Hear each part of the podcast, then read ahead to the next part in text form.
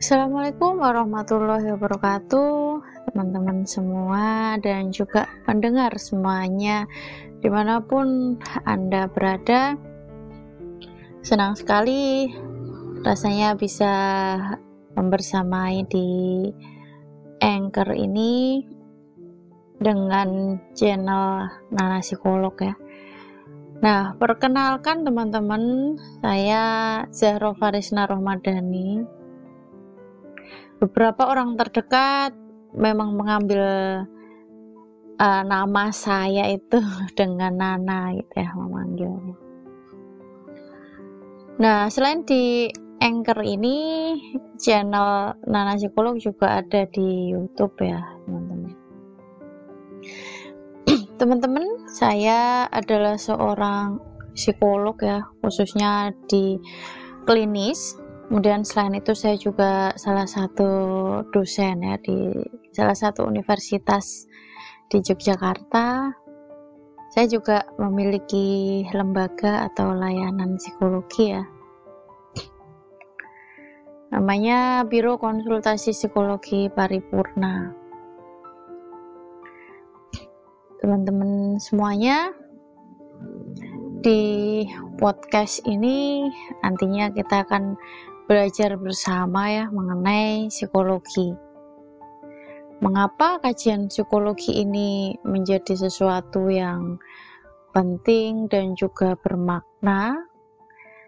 Nah, ini karena di mana ada manusia, di sana dibutuhkan psikologi. Jadi ilmu ini merupakan suatu ilmu yang membumi dan juga sangat aplikatif. Selain bisa mengenali diri sendiri, mengenali orang lain, ilmu ini juga bisa membantu diri kita dalam memecahkan masalah-masalah kehidupan baik diri kita sendiri maupun itu membantu orang-orang lain di sekitar kita.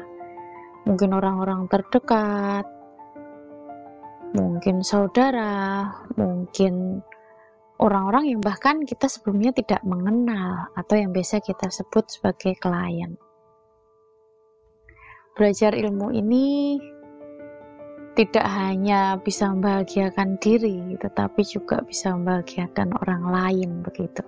Karena ketika kita membahagiakan orang lain, ternyata kita juga membahagiakan diri kita sendiri. Ada beberapa hormon kebahagiaan yang kemudian hadir muncul begitu ya, kemudian membawa kita ke uh, periode atau rasa yang lebih nyaman begitu. Nah, teman-teman semua, sekarang ini kita masih dihadapkan ya dengan pandemi COVID-19. Meskipun pandemi ini sudah mulai menurun begitu ya, rumah sakit juga sudah mulai sedikit kasusnya, tapi PPKM ini juga levelnya masih uh, belum normal ya seperti sedia kala. Mungkin teman-teman ada yang kuliahnya atau sekolahnya sudah mulai tatap muka, tapi itu juga belum sepenuhnya ya seperti dulu sebelum ada pandemi. Di satu sisi memang kita mungkin membanding-bandingkan dengan apa yang terjadi sebelum pandemi. Tapi di sisi lain, ini adalah hal yang patut kita syukuri karena kita sudah cukup uh, lebih bebas begitu ya untuk keluar dari rumah. Tidak seperti dulu. Meskipun kita juga tetap harus menerapkan protokol kesehatan ya teman-teman. Yang patut disyukuri adalah kita sudah mulai bisa ya ketemu dengan teman, kemudian berkuliah mungkin sekolah secara offline ya meskipun juga dengan pembatasan. Nah, teman-teman semua, saya kira mungkin cukup sekian dulu ya untuk perkenalan.